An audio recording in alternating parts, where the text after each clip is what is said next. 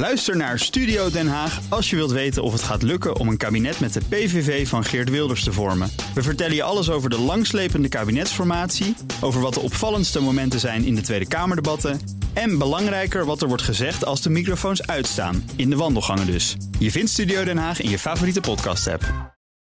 Vanuit. De column van Bernard Hammelburg. Tuig. Zo noemt de Iraanse leider groot Ayatollah Khamenei de demonstranten die de straat op gingen vanwege de toenemende economische wanhoop. Allemaal het werk van buitenlandse agenten, zegt Khamenei, met de steun van contra-revolutionairen die terug willen naar de dagen van de Shah. Aanleiding de verhoging van de benzineprijs. Maar dat kan niet de echte reden zijn. Benzine kostte in Iran tot voor kort 9 cent per liter. Dat is verhoogd naar 12 cent per liter. En wat de regering nu wil, is een verdubbeling van die prijs als je meer gebruikt dan 60 liter per maand. Naar 24 cent dus. Eerst werd benzine nagenoeg weggegeven. Nu betaal je een prikkie. Dus zelfs in het verpauperde Iran is dat niet het einde van de wereld. Het gaat dus niet om benzine, dat is hooguit de aanleiding. Net als bij de demonstraties tijdens wat we toen nog hoopvol de Arabische lente noemden, zijn de Iraniërs en vooral jongeren de economische malaise en de uitzichtloosheid op de banenmarkt beu. Hetzelfde gebeurde twee jaar geleden, toen woedende Iraniërs ook de straat op gingen. De argumentatie is: het land wordt plat geboycott door Amerika en in wat mindere mate door Europa, maar de regering geeft miljarden uit aan de oorlog in Syrië, de financiering van Hezbollah en islamitische jihad en dat vermalendijde geldverslindende nucleaire programma.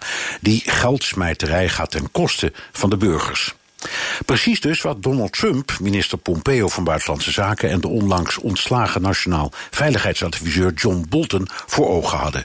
Voerde sancties zo hoog op dat het bewind van de moela's van binnenuit wordt uitgerookt. Was het maar zo simpel. In de eerste plaats is de meerderheid van wat wij de oppositie noemen wel tegen de moela's, maar helemaal niet pro-Amerika.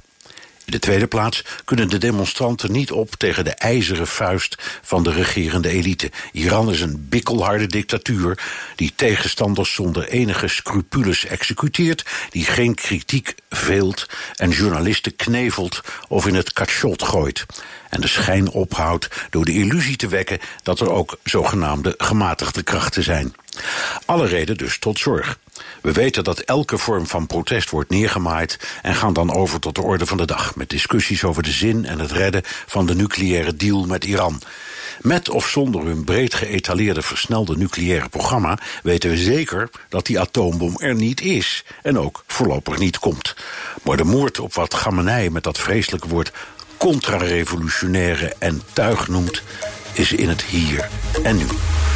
En dat is Bernard Hammelburg, onze columnist op woensdag. Buitenlandcommentator, zoals u weet. En u kunt zijn column terugluisteren. Ook vanuit Iran. Op uh, onze website bnr.nl en in de BNR-app. En daar vindt u ook alle podcasts.